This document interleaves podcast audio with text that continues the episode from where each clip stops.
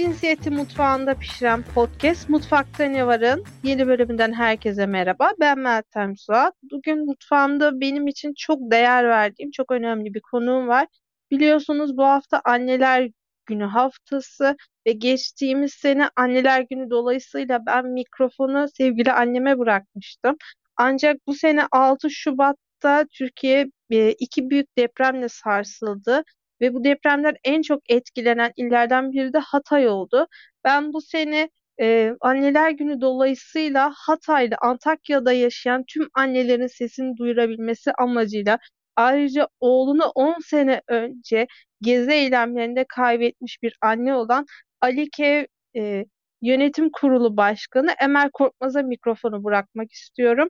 Emel Hanım hoş geldiniz. Teşekkür ederim, sağ olun. Çok teşekkürler e, sesimiz olduğunuz için. İyi ki varsınız yavrum. Biz teşekkür ederiz. Emel Hanım hemen şunu sorarak başlamak istiyorum. Ali İsmail Korkmaz'ın katledilişinin üstünden tam 10 sene geçti. Ee, ve bu sizin evladınızdan ayrı 10. anneler gününüz.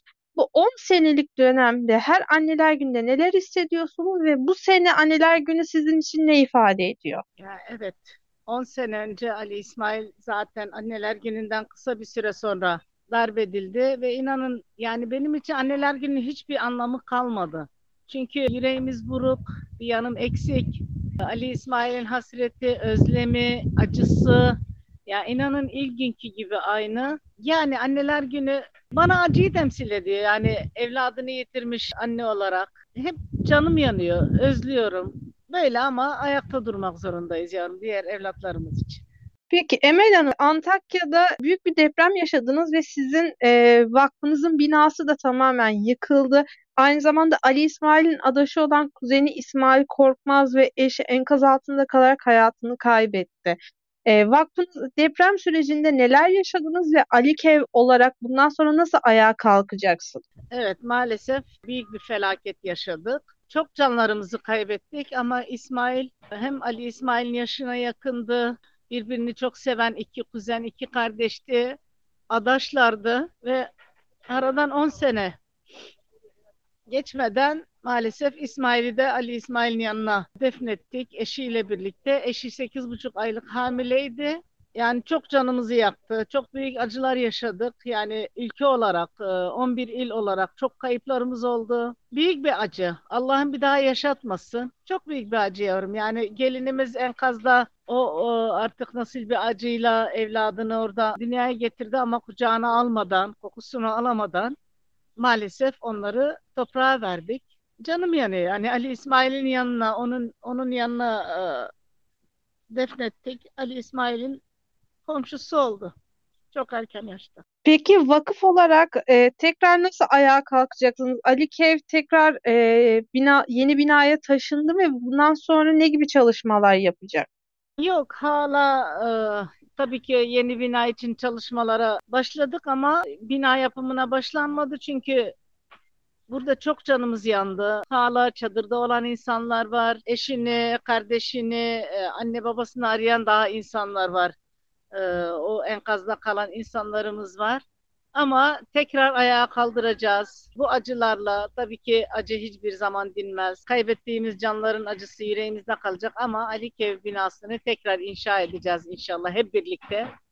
Ee, tabii ki gönüllerimizle, e, yanımızda olan insanlarla hep birlikte tekrar vakıf binasını ayağa kaldıracağız.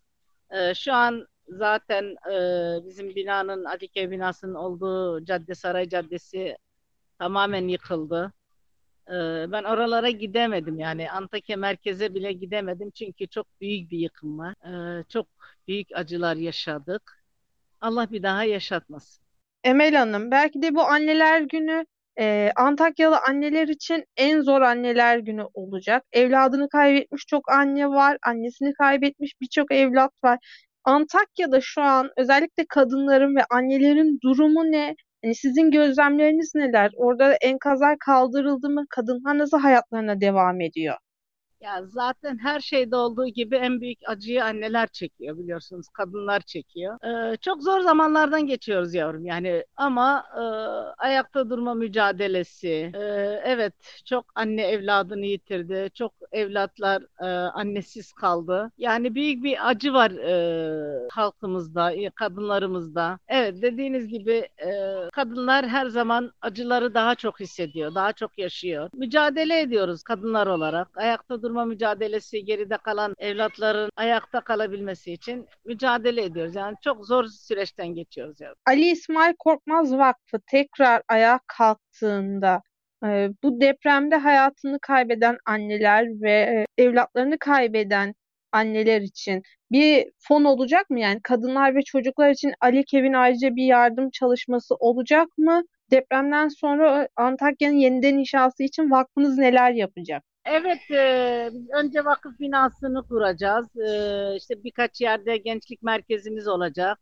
E, anne babasını veyahut da annesini, e, babasını işte aile büyüklerini kaybeden çocuklarımıza ekstradan okuyan çocuklarımıza e, destek fonu sağlayacağız. Zaten bizim üç çalışanımız buralı. Depremde zaten mağdur olmuşlardı. Onlara iki ay idari izin verdik. İşte yeni yeni çalışmalara başladılar tabii ki o çocuklarımıza e, bir fon oluşturmayı planlıyoruz. İşte Samandağ, Defne, Antakya'da gençlik merkezi, Antakya'da işte bizim mahallede büyük ihtimalle vakıf binamız olacak. Öyle bir çalışmaya başladık. Peki şu an Antakya'daki depremzede kadınların durumu ne? Oradaki kadınların ve annelerin en büyük ihtiyaçları neler? Annem e, ihtiyaç çok kızım yani çoğu insanımız çadırlarda kalıyorlar.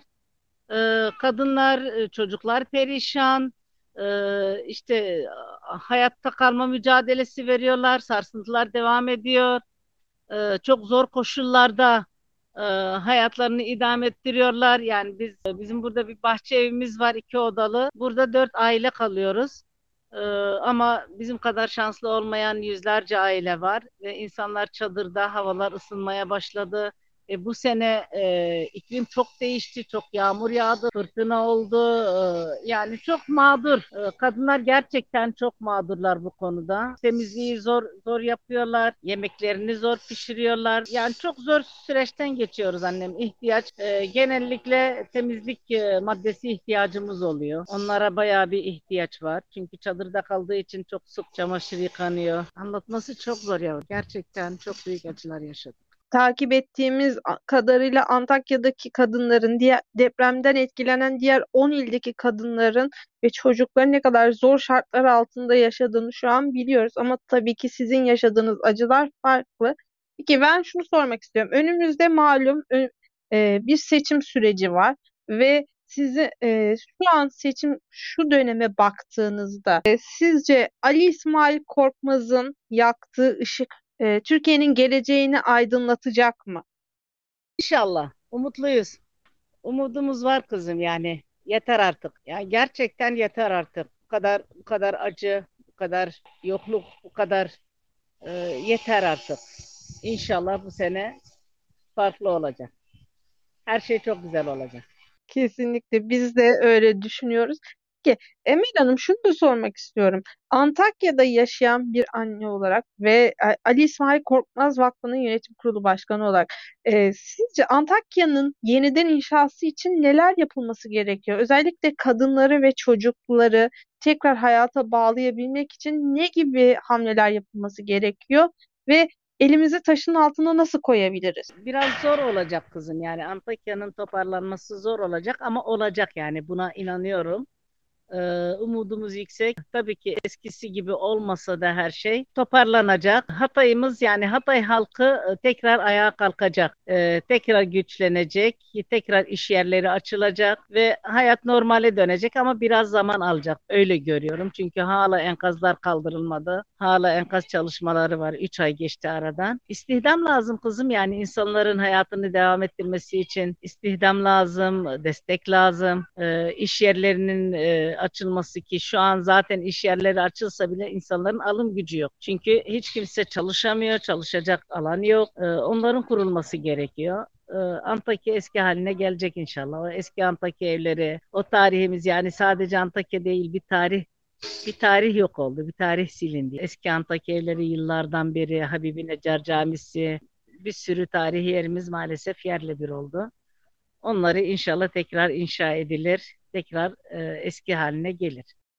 Peki, e, vakfınız e, Mor ve Ötesi grubuyla da bir işbirliği yaptı ve yeniden ayağa kalkmak için. Şu andan itibaren vakıf olarak ne yapmayı planlıyorsunuz? Yeniden ayağa kalkmak için çalışmalarınız ne olacak? Ee, işte dediğim gibi yani e, şu an inan e, evet Mor ve Ötesi sağ olsunlar e, destek oldular. İşte bizim e, vakfa ait bir e, yerimiz var bizim mahallede ikinci mahallesinde. E, gelip gördüler. Oraya bir proje proje yapıp e, güzel bir gençlik merkezi yapmayı planlıyoruz. E, işte dediğim gibi yani önce e, enkaz kaldırılmalı. Daha çok çok insanımız kayıp maalesef. E, yani yavaş yavaş çalışmalara başlandı. Zaten çalışanlarımız iki ay idari izinliydi. E, çalışmalara başlayacağız yavaş yavaş. İşte gençlik merkezimiz olacak. Zaten hali hazırda 250 öğrenciye burs veriyoruz. Onlar devam ediyor. Toparlanacağız inşallah yavrum ya. Yani gerçekten e, çok zor yani bunu şu an bile konuşmak bu kadar büyük acılar yaşanmışken e,